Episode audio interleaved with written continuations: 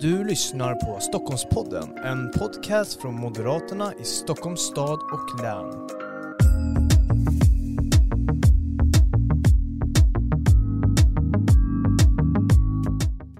Varmt välkomna till ännu ett avsnitt av Stockholmspodden. Det här är ju de här specialavsnitten där vi behandlar de proppar som faktiskt har antagits på våra extra förbundsstämmor här i oktober 2021. Det är den politik som ligger till grund för valåret eh, och det är tre proppar här i Stockholms stad som vi går igenom. Vi har bland annat pratat trygghetsproppen, vi har pratat proppen om framtidsstaden Stockholm och idag ska vi prata om skolproppen, en otroligt viktig propp eh, och en viktig fråga för stockholmarna. Och eh, med oss för att göra det har vi Kristina Axén Olin, varmt välkommen. Tack så mycket. Och så har vi Kristina Lutz. Tack. Och ni båda har skrivit den här, ni båda är verksamma inom politiken. Du är riksdagsledamot, eh, Kristina Axén Olin, och du är också KF-ledamot och sitter som stadsdelsnämndsordförande. Varmt välkomna hit båda två. Eh, men som sagt, idag ska vi inte prata om era specifika uppdrag. Vi ska faktiskt prata om den propp som eh, ni har skrivit tillsammans om skola. Och eh, för att börja någonstans så vill man ju ändå fråga varför det är viktigt att skol, skolan eh, tas upp på agenda. Varför ska man skriva en skolpropp, Kristina? Ja, men eh, skolan är ju, viktigt, är ju det viktigaste vi har och vi borde prata mycket mer om skolan egentligen för det är ju grunden för hela samhället. Både om vi pratar om tillväxt för Sverige, Sveriges liksom, framtid. Det är viktigt för de enskilda såklart som bor i Stockholm. Eh, och det är också viktigt ur ett förebyggande syfte när det handlar om kriminalitet. Eh, för de barn som inte klarar av skolan riskerar ju tyvärr att hamna i ett utanförskap. Mm. Och eh, det är nästan Kristina och Kristina, jag väljer att Ja. kalla Kristina Axén för Kikki och Ja, det eh, Kristina för, eller Lutz för Kristina bara så vi, vi håller isär er. Eh, men, men det här med att skolhoppen, ni har döpt den till en skola för alla för framtiden Stockholm. Eh, var, varför har ni valt att använda den rubriken på den här proppen?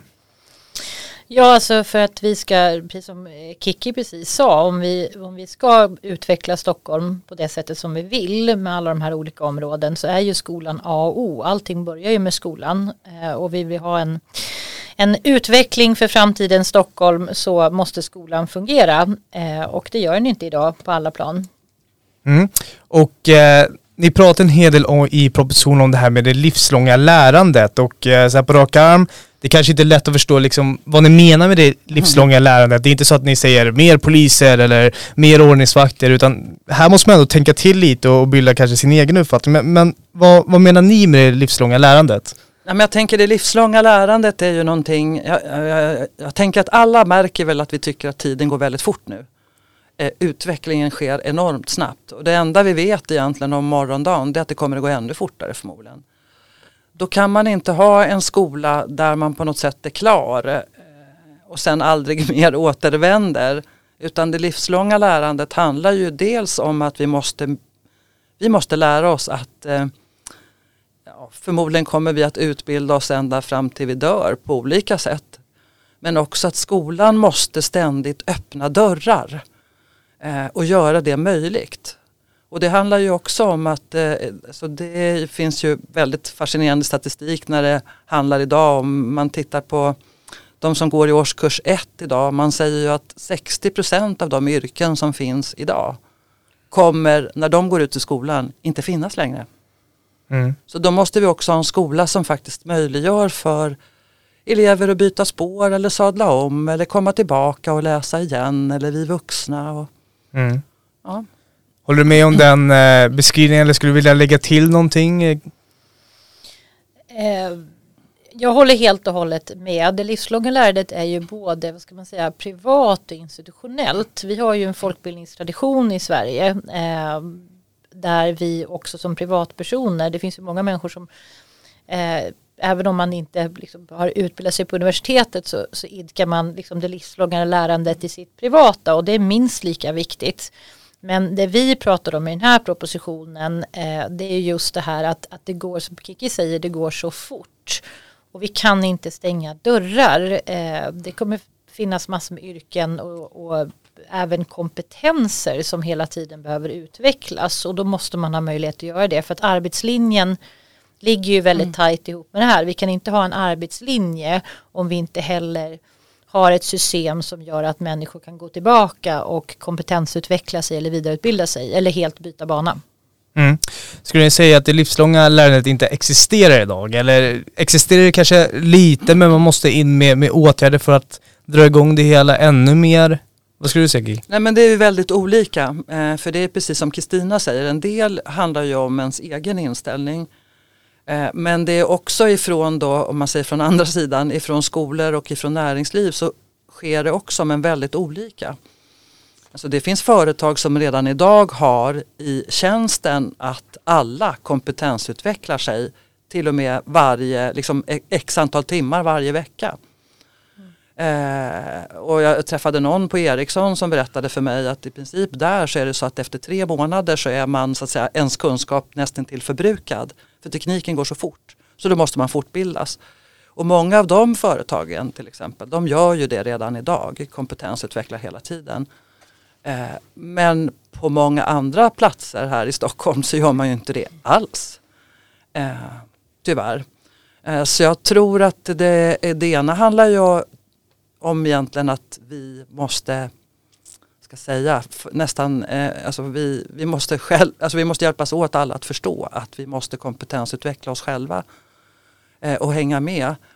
och det andra handlar ju om rent praktiska saker som att hitta ett, en finansiering av utbildning som fungerar.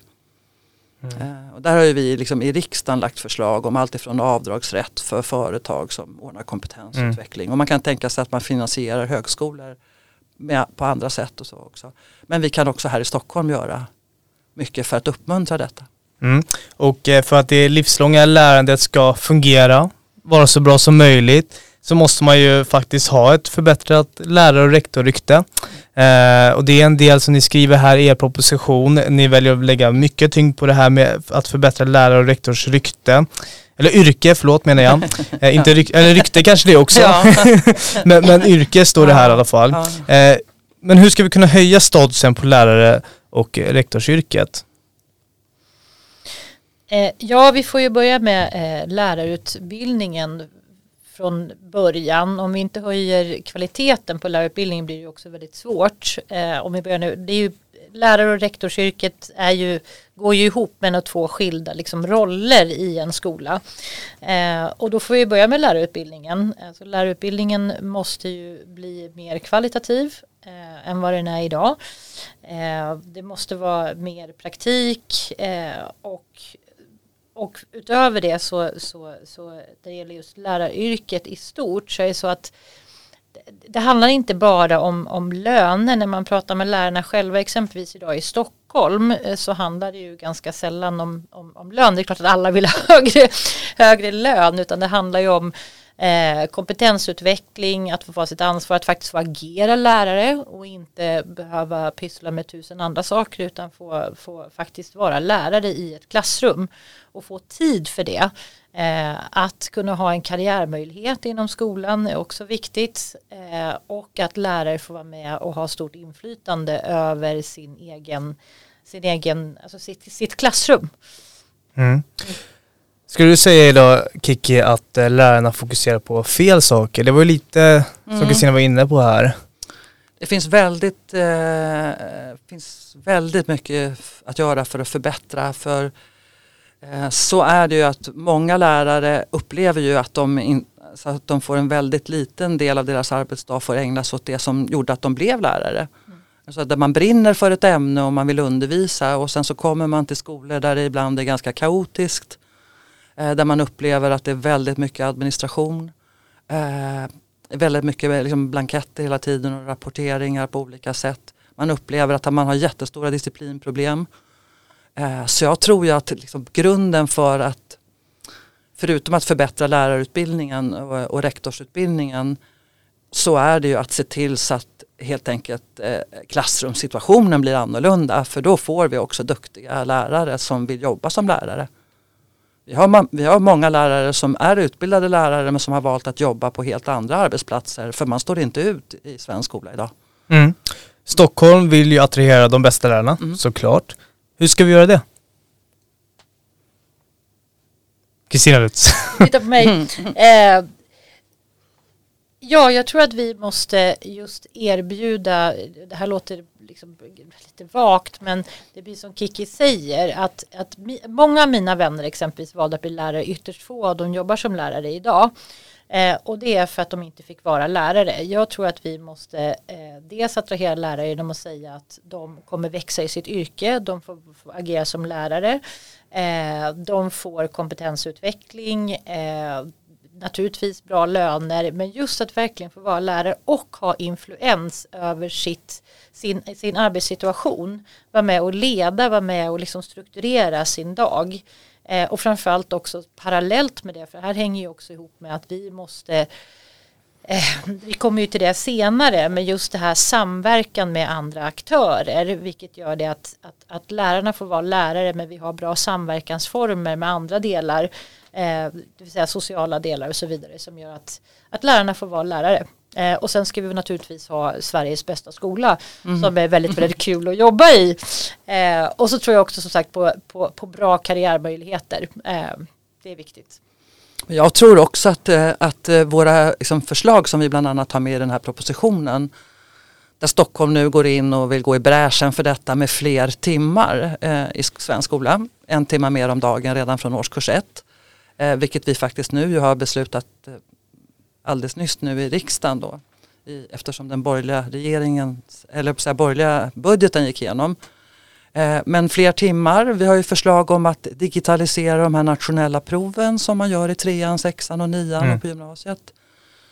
Eh, det är väldigt efterlängtat från lärarna. Eh, för i och med att vi digitaliserar de nationella proven så har vi också då tänkt att de ska rättas externt och centralt. Eh, då kan man se både betygsjämförelser över hela Sverige faktiskt. Men också så slipper lärarna själva sitta med ansvaret för de nationella proven. Så många av de saker som vi föreslår i propositionen som handlar om mer ordning och reda i klassrummet, fler timmar, digitaliserade prov, satsning på kunskapsfokus, bättre läroplaner. Alltså många av de förslagen sammantaget gör, tror jag, att det blir mycket mer attraktivt att vara lärare i Stockholm. Mm. Och eh, det som kanske hör till att det ska bli attraktivt att vara lärare i Stockholm det är ju det här med att eh, läroplan, en tydlig läroplan, att man har det finns tydliga strukturer, det finns tydliga mål vad man ska jobba efter. Men eh, ni menar ju att läroplanen är otydlig idag. Ja, eh, är... Den är ju jätteanalytisk. Om man läser den, det kan jag rekommendera alla som inte har gjort det någon gång att titta på läroplanerna Eh, Eh, för svensk skola. Det räcker med att du tittar för till exempel idrott årskurs 3.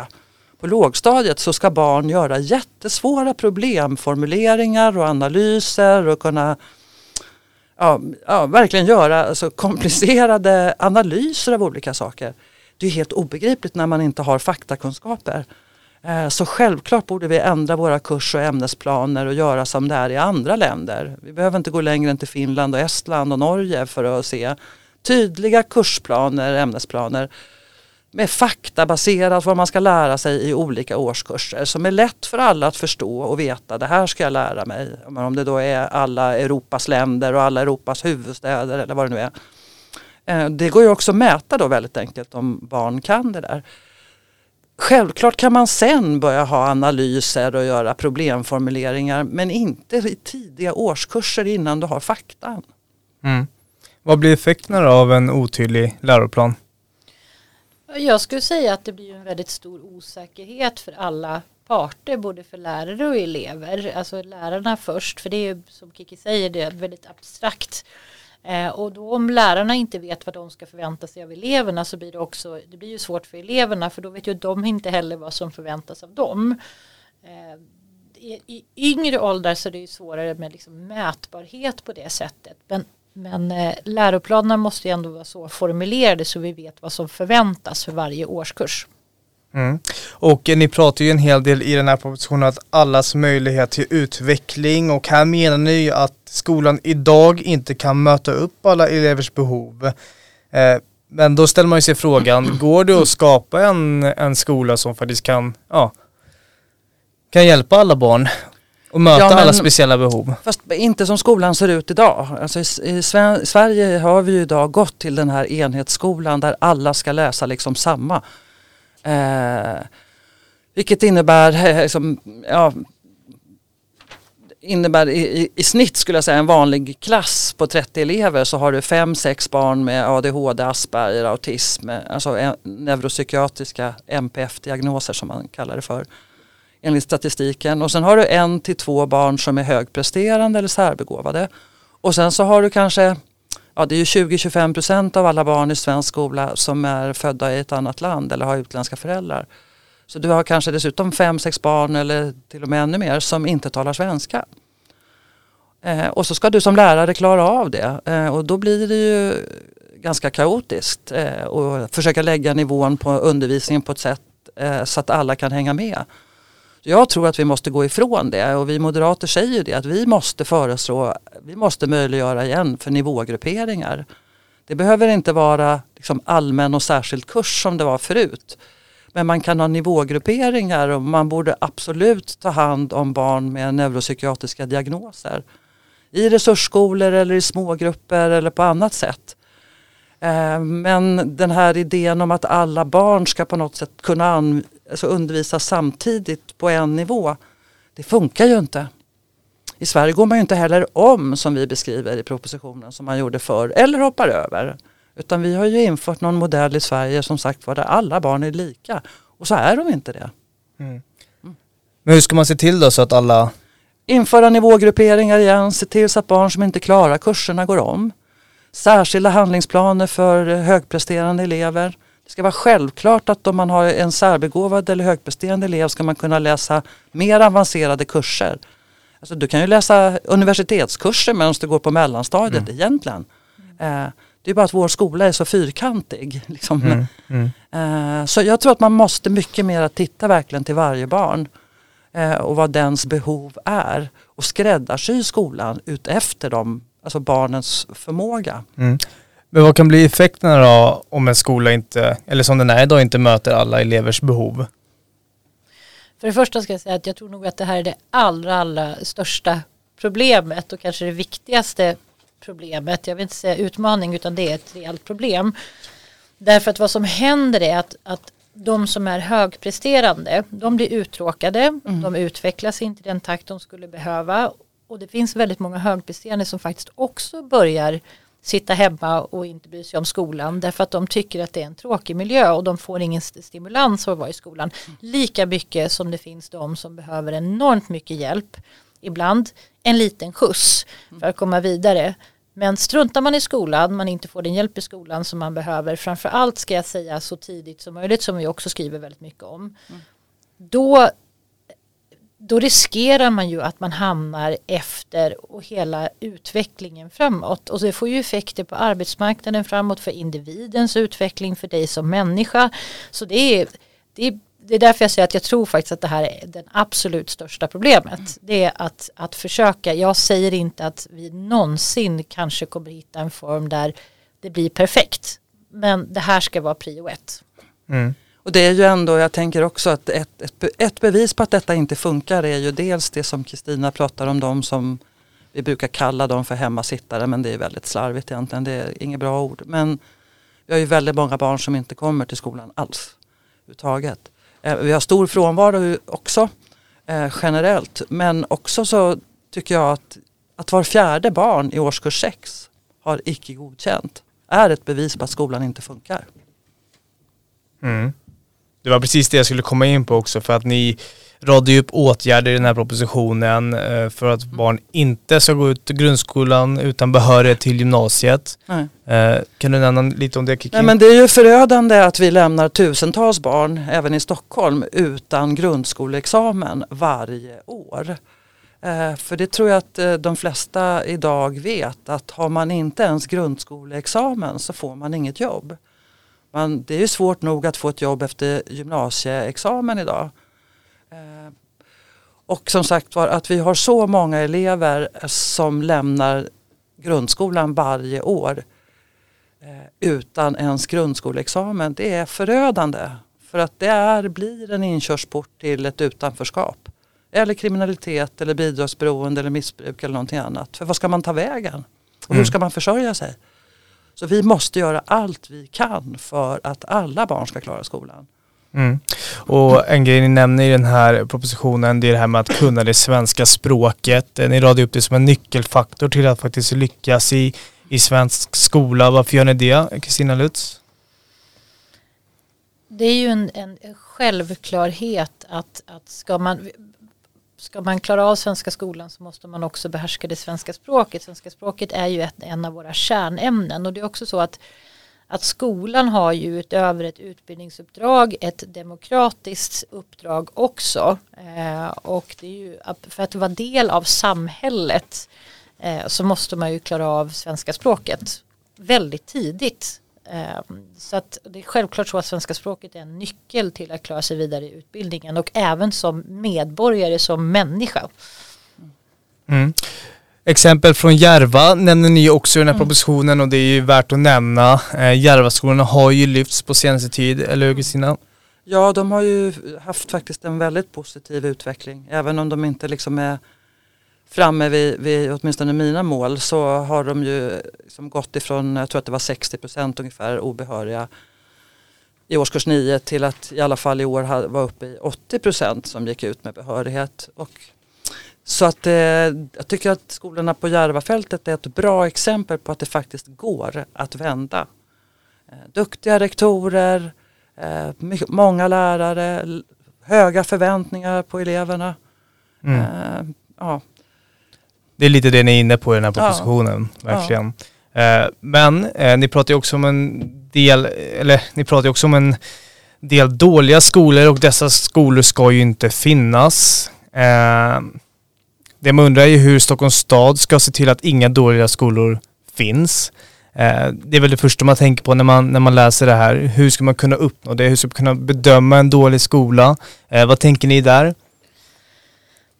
Ja, det finns ju ett, ett, antal verktyg idag men de är inte tillräckligt skarpa. Eh, vi vill ju verkligen se till så att Stockholms stad får Eh, i sina skolor eh, mycket större befogenheter. Dels måste vi kvalitetssäkra skolorna och jobba med kvalitetsutveckling hela tiden men faktiskt möjlighet att stänga skolor. Och det gäller ju både kommunala och privata eh, som inte lever upp till eh, förutsättningar eh, och de mål som vi har satt upp. Så att skarpare kontroller och större möjlighet att faktiskt stänga skolor. Mm. Och, och idag, ja. Jag tänkte idag, idag, vi har ju Skolinspektionen då som är en myndighet som ligger då under liksom riksdagen. Eh, de granskar ju skolor och där har ju vi från Moderaterna då 50 miljoner mer i vårt förslag till Skolinspektionen för att vi vill att de ska kunna göra många inspektioner och besöka skolor och även göra oanmälda besök. Det är ju ett sätt att se kvaliteten. Men sen tänker jag också det här som vi pratade om alldeles nyss som digitaliserar de nationella proven och, den, och rätta dem centralt. Där ser man ju också vilka skolor som brister. Eh, för att eftersom Socialdemokraterna vägrar att mäta kvalitet i svensk skola och inte vill jämföra skolor så är det ju väldigt lätt att dölja dåliga skolor, vilket de har gjort i många år. Men när vi har börjat fråga nu och börjat vilja lyfta fram de skolor där inte ens hälften av barnen, för det har vi då från Moderaterna sagt vara en sån här parameter, att om inte hälften av barnen som går ut grundskolan med grundskolebetyg, då är det problem. Och då hittar man ju liksom ett antal skolor som inte ens, som sagt bara, inte ens hälften de senaste tio åren, varje år, inte har gått ut skolan med betyg. Eh, och jag tycker att det är så sorgligt att man inte har lyft de här skolorna och gjort någonting åt det. Mm. Ni pratar också en hel del om det fria skolvalet i propositionen. Är det, värt, är det någonting som är värt att försvara, Kristina? Ja, det var därför jag gick med i MUF en gång i tiden, 1989, det och EU. Eh, självklart ska vi vara de främsta eh, förespråkande för det fria skolvalet, alltid och på alla plan. Att att överhuvudtaget som vissa igen har börjat göra, jag trodde aldrig mer jag skulle höra den diskussionen om att man ska bussa elever för bättre integration eller man ska styra i kommunerna vart, vart eleverna ska, ska vara. Då är vi ju tillbaka på 1970-80-talsskolan. Det fria skolvalet är ju alltså, på alla sätt och vis, både för dig själv som individ, att du ska kunna välja den skola du vill, där du tror att du har mest förutsättningar för att växa. Det är jätteviktigt för integrationen i Stockholm, att, att, att barn och ungdomar har möjlighet att välja någon helt annan plats än där de eller kanske det precis där de är. Men, men för oss är ju liksom individens frihet i centrum samtidigt som vi tror att det är kvalitetshöjande naturligtvis att du kan välja bort det du inte vill ha. Om vi tvingar elever att gå i skolor som de inte vill gå i, då, då ja, det, det, är varken, varken för, för bildning, utbildning, individen eller kvalitetsutveckling eh, bra att inskränka på skolfria skolvalet. Det är A och O för oss. Mm. Behöver vi utveckla det fria skolvalet? Ja, ja, men jag tänker också att det ena handlar ju om att se till så att alla faktiskt väljer. Mm. Eh, för att även om man väljer så att säga, en kommunal, den närmsta skolan, så är det viktigt att man gör det där aktiva valet. För att det handlar också om att få familjer att bli mer dedikerade kanske till att ja, eh, hjälpa till och liksom bara tycka att skolan är viktig, just att man gör ett val. Eh, så det är viktigt. Sen tycker vi inte att det är rimligt att man har någon sorts eh, jakt redan på BB över och stress över att man ska ställa barn i kö till friskolor. Utan där har vi sagt att där tycker vi man kan göra förändringar och kanske bestämma sig för att, att barn under tre år ska inte stå i någon kö. Mm. Man helt enkelt förbjuder köer för bebisar. Och så så det finns saker man kan utveckla eh, definitivt eh, när det gäller friskolor både för förbättringar men också just att det är vissa saker som man kan fundera över. Men jag hävdar fortfarande, precis som Kristina, att det är inte, det, är inte liksom det fria skolvalet eller friskolorna som är svensk skolas problem. Utan det är att var fjärde barn inte klarar skolan. Mm, precis så. Eh, vi ska alldeles strax ta avrunda den här podden men innan det så ska vi snabbt bara beröra det sista kapitlet i propositionen, det är nämligen det om psykisk ohälsa. Eh, som ni tar upp där också. Ni menar på att det är en svår ansvarsfördelning idag när det kommer till att arbeta med psykisk ohälsa i, i skolorna. Eh, kan ni utveckla lite där? Ja, alltså alla vet ju, det, vi pratar ju mycket om psykisk eh, ohälsa och den har växt, den har växt under pandemin eh, huruvida den har växt eller om det är så att vi, de har kommit tillbaka och vi nu upptäcker det. Men eh, min erfarenhet är, eh, som, som lokalpolitiker under lång tid att, att vi har ju ansvar för hur våra ungdomar mår. Ett visst ansvar ligger på skolan, ett visst ansvar ligger på regionen, ett visst ansvar eh, liksom ligger på, på socialtjänsten. Och det är fortfarande så att det här inte, inte funkar. Vi har barn, ungdomar, elever som ramlar mellan stolarna. Så vi måste ha ett bättre system för att snabbt eh, snappa upp barn. För de, exempelvis när vi har då tittat på de här som inte går i skolan så en väldigt nästan majoritet av dem mår ju väldigt dåligt. Alltså det är ju psykisk ohälsa som ligger i bakgrunden. Eh, också att psykisk ohälsa gör ju att naturligtvis att man presterar, man inte går till skolan, man presterar mindre och sådär. Men här har vi en jätteuppgift att se till så att de olika som har ansvar för olika delar av kedjan jobbar mycket bättre tillsammans. Om, vill du säga någonting? Nej, men jag tänker att vi har, vill ju också se över huvudmannaskapet just kring elevhälsan. För att det är ju Precis som Kristina säger, det är elever som faller mellan stolarna och det är tystnadsplikt mellan olika liksom, organisationer och vilket gör att det, alltså, ja, det finns verkligen barn det finns en del som far oerhört illa i det här och det är inte okej. Okay. Eh, sen skulle jag vilja säga också att, att eh, mycket av den psykiska ohälsan tror jag i och för sig att vi kan, behöver inte professionell hjälp heller för att hantera utan det handlar ju också om att se till så att både föräldrar fungerar men också att skolmiljön blir fri från mobbing och trakasserier och annat. Mm. Vi ska alldeles strax ta och avsluta men om ni skulle vilja sammanfatta den här propositionen mycket, mycket kort. Ska vi börja om igen? Ja. Jag vill bara, bara, sammanfatta eh, mycket, mycket kort eh, varför det är så pass viktigt med, med en skolproposition.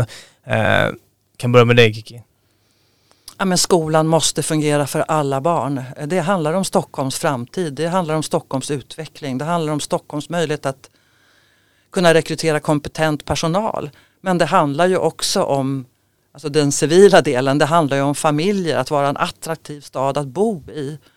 Eh, där, där man tycker att det finns skolor som gör att man vill bo i Stockholm och inte flyttar härifrån. Eh, och det handlar just om barnens vardag. Att det ska vara, vi vill att våra barn ska vara lyckliga helt enkelt och nyfikna och lära sig saker. Mm. Om du skulle vilja lägga till något på det Kristina? tyckte Kiki sammanfattade det väldigt väl. Men för att återgå till bland det första jag sa, alltså skolan är A och O. Funkar inte skolan då funkar ingenting annat heller, varken för individen eller för samhället eller för utvecklingen. Nej. Utan skol, skolan är basen, utan det så kan, kommer vi inte nå några av våra andra mål heller. Mm. Hörrni, stort tack för att ni kom till Stockholmspodden och gjorde det här avsnittet om den proposition En skola för alla. Eh, jag vill bara säga mycket kort att ni kan läsa hela propositionen på moderaterna.se Stockholm eh, och även en sammanfattning över det beslut som har tagits. Så gör gärna det. Stort tack för att du lyssnade och tack till er som kom hit. Tack, tack själv.